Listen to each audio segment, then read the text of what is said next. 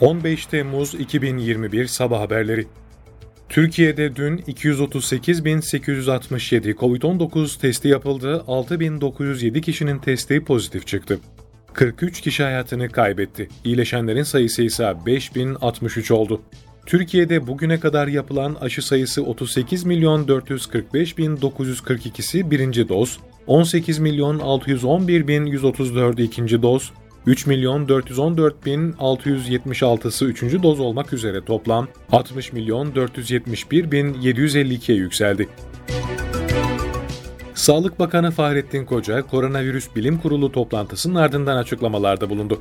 Bakan Koca toplantıda vaka sayılarının seyri, aşı programı ve bayram tedbirlerinin görüşüldüğünü belirtti.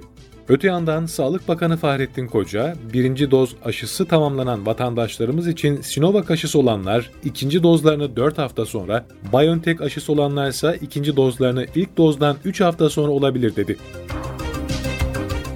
İçişleri Bakanlığı koordinesinde yürütülen ikna çalışmaları neticesinde PKK'lı 5 terörist daha teslim oldu. Teslim olan 5 örgüt mensubundan birisinin ailesi hem Diyarbakır'da ve hem de Muş'ta evlat nöbetine katılan ailelerin arasında bulunuyor. Böylelikle evlat nöbetlerinde 28. buluşma gerçekleşirken 2021 yılında sadece ikna yoluyla ülkemize teslim olan örgüt mensubu sayısı ise 102'ye yükseldi.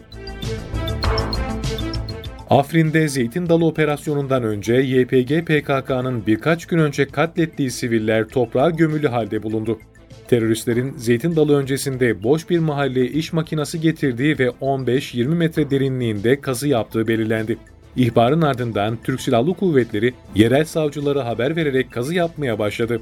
Yeni Afrin mahallesinde yapılan kazılarda 35 sivilin cansız bedenine ulaşıldı. Olayın örgüt içi infaz olduğu iddiası da değerlendirilirken sayının artmasından endişe ediliyor.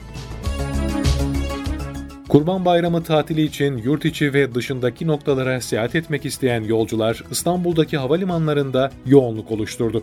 Bayram tatilinin 9 gün olarak belirlenmesinin ardından İstanbul dışına çıkmak isteyen yolcular, Türk Hava Yolları ve diğer firmaların bilet satış ofisleri ve kontuarları önünde ise yoğunluk gözlendi.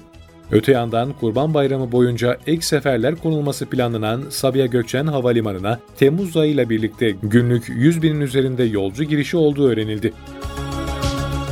Çevre ve Şehircilik Bakanı Murat Kurum ve Tarım ve Orman Bakanı Bekir Pakdemirli Marmara Denizi'ne 15 ton midye bıraktı. Bakan Kurum ve Bakan Pakdemirli yeni kapı iskeleden biyoçeşitliliği arttırmak için denize levrek ve kalkan balığı saldı. Bakan Kurum burada yaptığı açıklamada 8 Haziran'da 11 bin hektar alanda etkili olan müsilajın yapılan çalışmalar neticesinde Marmara Denizi'nde yok denecek seviyeye indirildiğini bildirdi. Doğu Karadeniz bölgesinde etkili olan şiddetli yağış yaşamı olumsuz etkiliyor.